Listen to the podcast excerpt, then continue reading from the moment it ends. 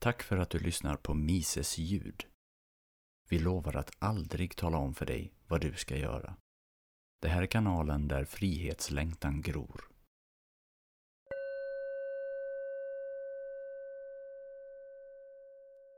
Det här är första avsnittet av Mises ljud.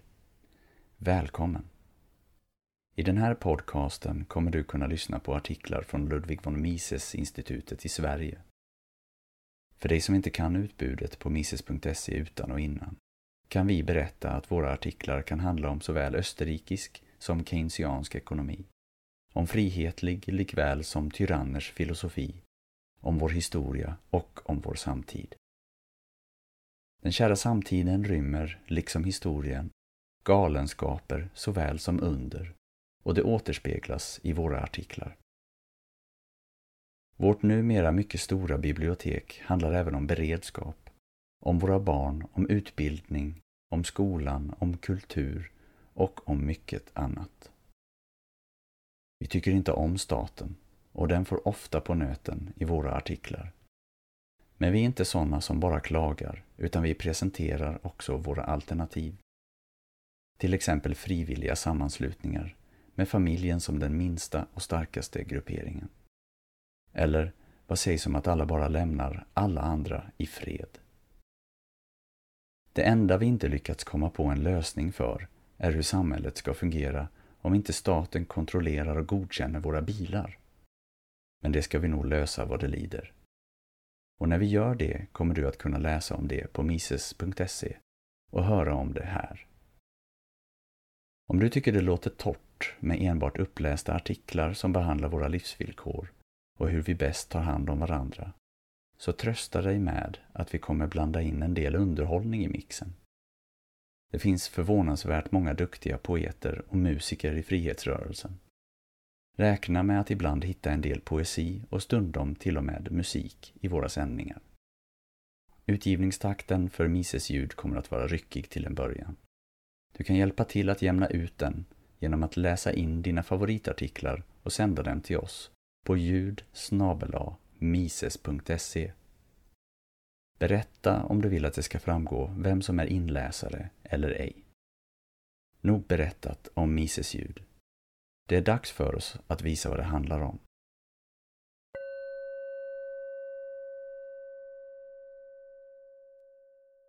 Trajanus guld publicerades 25 januari 2017 av Jon Nylander. Föreställ dig att du är en romersk kejsare, till exempel Trajanus, som härskade mellan 98 och 117 efter Kristus. Föreställ dig nu att du erövrar ett nytt territorium som är fullproppat med rika guldådror, till exempel Dacia.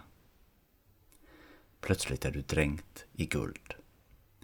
En till synes oändlig ström med hårdvaluta låter dig nu förverkliga dina utlovade projekt. Du kan rusta upp dina förfallna akvedukter och skämma bort dina undersåtar med spektakulära offentliga bad. Dina hårdföra och upprorsbenägna legionärer kan äntligen få sin såld. Storartade gladiatorspel och generösa brödutdelningar är säkrade för överskådlig framtid. Du får i det närmaste magiska krafter när du får nytt guld. Hur kommer det sig egentligen? Siciliens vajande vetefält har ju inte blivit mer bördiga. Stenbrottens dammiga dödsfällor spottar inte ur sig mer sten. De barbarfyllda timmerskogarna är inte mer vidsträckta än tidigare. Arkitekterna, sandalmakarna och gatsoparna blir inte fler. Varken resurser eller arbetskraft blir magiskt mer bara för att du har guld. Alla resurser existerar redan och används redan på något sätt i ditt imperium. Men inte av dig. Det är först när du börjar använda ditt nya guld som det blir intressant. Du kan naturligtvis inte trolla fram byggnadsmaterial eller arbetskraft. Däremot kan du spendera ditt guld och därmed utöka ditt anspråk på de resurser som redan finns. Ditt guld är nytt. Marknaden har inte räknat med det i sina priser, vilka därmed är baserade på guldtillgången innan erövringen av Dacia. Det innebär att du har en tyngre hand i din förmåga att ta redan existerande resurser i anspråk än de som använder gammalt guld. Du kan överraska marknaden. Jag tänkte bygga ett tempel till Jupiter, säger din kompis Hadrianus. Napp, app, app, säger du. Jag ska bygga två och jag betalar i förskott. Ditt flärdfulla spenderande har över tid en stor inverkan på marknaden. Du kan fortfarande inte trolla. Men så länge som det nya guldet flödar in har du oupphörligen mer att säga till om än alla andra om hur resurserna i ekonomin ska användas. Tiden går och guldet rinner i rännilar ur dina valv. Lycksökare och opportunister trängs för att få lapa i sig. Människor som tidigare sopade gatorna kanske nu stretar i ett marmorbrott där lönerna är högre. Före detta sandalmakare kanske skolar om sig till akveduktbyggare för att inte gå miste om den av dig skapade gynnsamma byggnadskonjunkturen. Ditt hov berikas av konstnärer, arkitekter, filosofer och allehanda supplikanter. Det är en fröjd att vara Caesar. Men det undgår dig inte att guldet rinner iväg i rasande och ständigt ökande takt. De resurser du är intresserad av börjar mystiskt nog gå upp i pris. Varje gång du använder ditt guld från Dacia köper du egentligen till gårdagens priser. Om du möter konkurrens vid dina inköp kan du bjuda över. Din vilja att spendera ökar efterfrågan på vissa saker. Detta i kombination med din eviga förmåga att bjuda över resulterar i att priserna stegras. Men så länge som gruvorna i Dacia producerar guld kan du köpa till gårdagens priser jämfört med alla andra. De som du har handlat direkt med står näst i tur att använda samma hävstångseffekt. Deras prioriteringar kommer dock att skilja sig från dina. En legionär kommer till exempel uppgradera sin tillvaro genom att dricka vin istället för utspädd vinäger. Han kommer påverka marknaden för vin enligt samma princip som du påverkar byggindustrin. Han kan inte trolla fram mer vin. Han har bara ett utökat anspråk på det vin som redan finns jämfört med hans skrålande civilkompisar på tavernan. Snart nog går priset på vin upp, till vingårdarnas stora glädje. De kommer i sin tur märka att nya konkurrenter dyker upp för att dra nytta av vinboomen. De nya konkurrenterna upptäcker i sin tur att priserna på gödsel av någon outgrundlig anledning har börjat gå upp. Etc. Ad infinitum, som romarna skulle säga. De som får det nya guldet sist är de största förlorarna. De har inte fått tag på det nya guldet tidigt nog för att kunna köpa till gårdagens priser alls. De har samma mängd guld som tidigare, men priserna på samtliga varor de brukar köpa har gått upp. Deras köpkraft har minskat. De är fattigare. Vinnarna och förlorarna. Det är på så vis inflation rör sig genom en ekonomi. Inte alls enhetligt eller kontrollerat. Nya pengar kommer alltid in i ekonomin på specifika platser. Därifrån sipprar de igenom marknaden och skapar vinnare och förlorare längs vägen. Ju närmare du är ingången för de nya pengarna, desto mer vinner du på bekostnad av dem som kommer in senare. När guldgruvorna i Dacia väl har sinat har du mycket riktigt lyckats bygga en mängd akvedukter och offentliga badhus. Ekonomins redan existerande resurser har dirigerats om till ändamål som du har valt att gynna. Men kan du säga att imperiets totala välstånd har ökat? Nej. Det du definitivt kan säga är att BNP har gått upp och att x antal nya akvedukter har byggts tack vare din godhjärtade stimulanspolitik. Men har folk det bättre? Det beror på vilket folk du menar. Resurserna hade använts på något annat sätt om du inte hade använt dem. Men det har du inte tid att tänka på. Det är hög tid att organisera en trumfmarsch i din egen ära. Du vill att folk ska beundra dig, deras välgörare, samt begapa dina byggnadsverk. De ska låta sig väl underhållas av dina gladiatorspel och vagnslopp. Vissa kommer att tacka dig, andra ringakta dig. De allra flesta kommer ha sina egna idéer om vad de skulle ha gjort med rikedomarna. Men hur många är inte de fiskare som nu inte har råd med bly till sina sänken eftersom dina extravaganta vattenvägar har prisat upp blyet? Hur många de skådespelare som nu måste jobba extra som prostituerade för att ha råd med sitt dagliga bröd? Hur många de sandalmakare vars expansionsplaner gått i stöpet? Det är dessa personers uteblivna resursanvändning som är den verkliga kostnaden för ditt underhållnings och byggnadsmirakel. Ingen håller triumfmarscher i deras ära, trots att det är de som har betalat för kalaset. Vad händer när guldet slutligen sinar eller Dacia lyckas återta sina land? Vad ska horderna av konstnärer, arkitekter, legionärer, lungsjuka stenbrottsarbetare och andra förmånstagare ta sig för då? Du måste undersöka alternativa avenyer. Redan tidigare har du börjat späda ut de guldmynt som cirkulerar genom skattkammaren. Men det börjar bli svettigt. De ständiga ilbuden du mottar om barbarer som anhopar sig vid utkanterna av imperiet får dig på dåligt humör.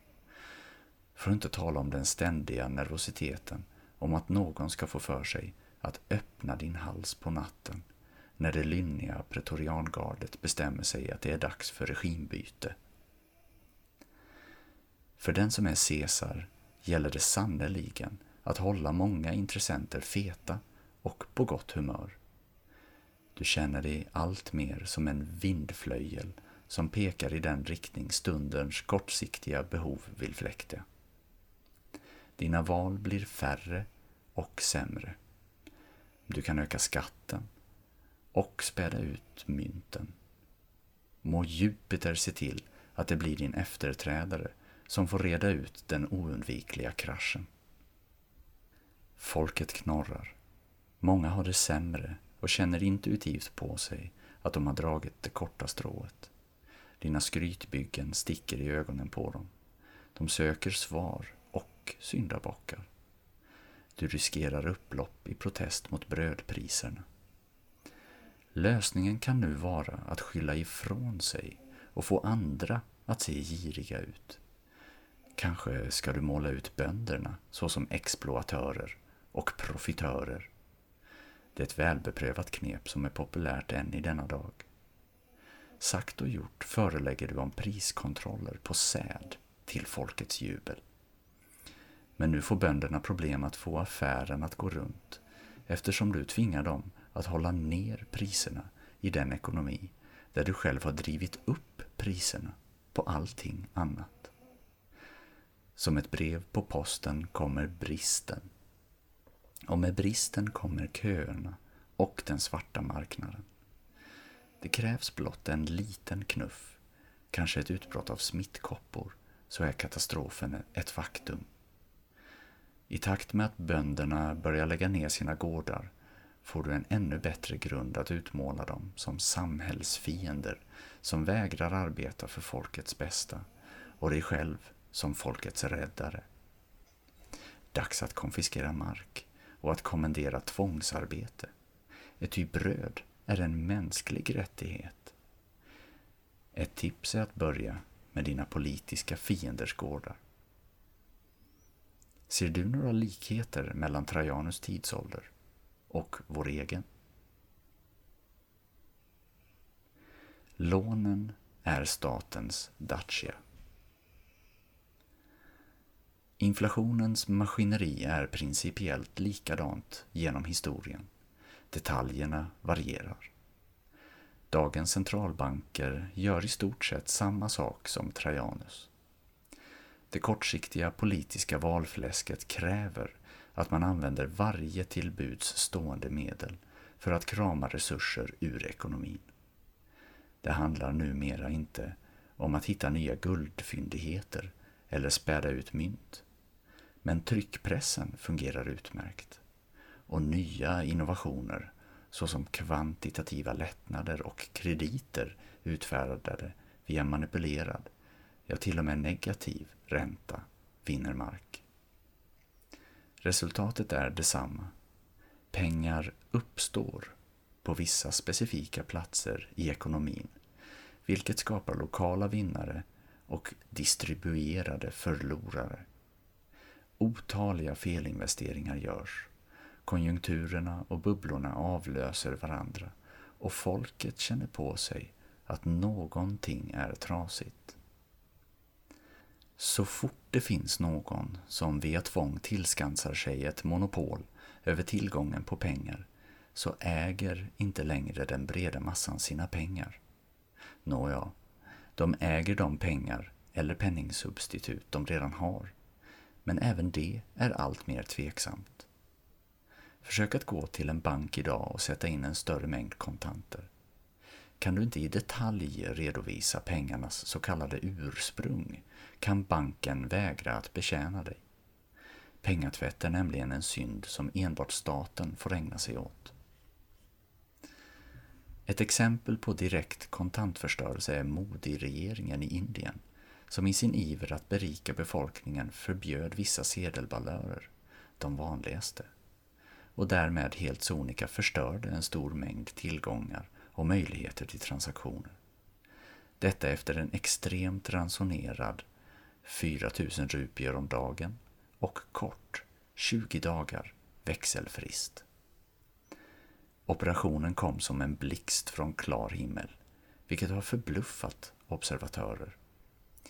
Men det är klart att det var tvunget att överrumpla, annars hade ju folk hunnit rädda sina tillgångar. Ingenting är så irriterande som offer som kan förutse ens manövrar. Men Indiens regering försöker nog bara komma ikapp föregångsländer som Sverige, där i princip ingen använder kontanter längre. För oss har övergången till det kontantlösa samhället varit mer utdragen och mer elegant utförd, i det närmaste bekväm. Men låt er inte luras. Den har också verkliga kostnader. Statens obevekliga incitament att krama pengar ur undersåtarna innebär oftast direkt konfiskering, beskattning och penningförstörelse alla Modi.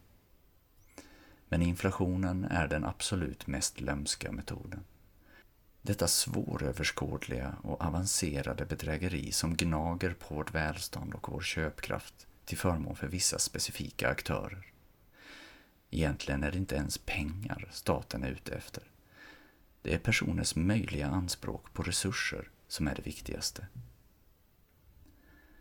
Om du litar på Sveriges riksbank eller andra aktörer som förespråkar en lagom inflationsnivå bör du ha två saker i bakhuvudet. För det första, de mäter prisökningar och påstår att det är synonymt med inflation. Det är det inte. Prisökningar är ett symptom på inflation, som alltså är ökning i penningmängden.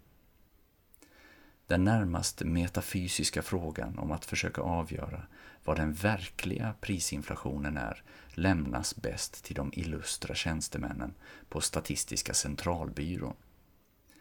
De som vill läsa mer om det här kan med fördel läsa artiklarna Inflationsmål och mätning av prisutveckling samt Den dolda agendan bakom KPI, båda signerade Carl Fredrik Klovås. De finns båda att hitta på mises.se. För det andra, de inblandade parterna mäter helst inte de prisstegringar som ser dåliga ut för dem. De vill gärna att inflationen ska se lägre ut än vad den egentligen är. Detta är naturligtvis inte uttalat. Däremot är det ett obevekligt incitament. Därmed dyker det med tiden upp bekväma och tillrättalagda auktoriteter som kan utarbeta officiella apologetiska förklaringar för de tillvägagångssätt som används. Korruptionen blir policy. Därmed finns ingen korruption. Men vad ska vi egentligen tro om att bostadspriser inte räknas in i konsumentprisindex, även kallat inflationen? Däremot räntekostnader för boende. Det är ju i bostadslån som penningsubstituten främst skapas. Lånen är statens dacia och det är räntorna som styr deras kostnader. Det föregående har ökat lavinartat utan att göra avtryck på inflationen. Det andra minskar konstant via direkt räntemanipulation och tillåts inverka negativt på inflationen. Arbetar Riksbanken och de finansiella institutioner som har välkomnats in i den statliga regleringsvärmen verkligen för din skull? Eller arbetar de för vissa specifika särintressens skull? I mitt sinne råder det inget tvivel om att det handlar om det senare. De byråkrater som är inblandade i denna process är ofta inte, inte ens medvetna om den skada de gör. De är inte dåliga människor. Snarare i många fall djupt omtänksamma, intelligenta och på det personliga planet moraliska människor. Som folk är mest. Och folk är för det mesta selektivt blinda. Just dessa tjänstemän är en del av ett system vars incitament över tid har en obetvinglig tendens mot ökande destruktivitet. Och det krävs mycket för att väcka en person från institutionell dvala. Icke desto mindre är det viktigt att försöka nå fram till dessa människor och att få dem att förstå att deras tjänstgöring inte är önskvärd. Att de utan att inse det deltar i en urgammal plundringstradition som det är dags att fullkomligt förkasta. Kanske kan vi nå fram till några stycken. Det vore fint. Till syvende och sist är det absolut viktigaste att vi direkt utmanar det institutionella penninghyckleriet och vägrar kompromissa med sunda ekonomiska värderingar. Enbart då kan vi återta ägandet över våra pengar och vår egen framtid. Det är hög tid att vi deltar i skapandet av frimarknadsalternativ. Svaren står att finna både i kryptovalutorna och ädelmetallerna, men framförallt i nära samarbete mellan människor som vägrar att håglöst låta sig ledas till förgängelsens brant.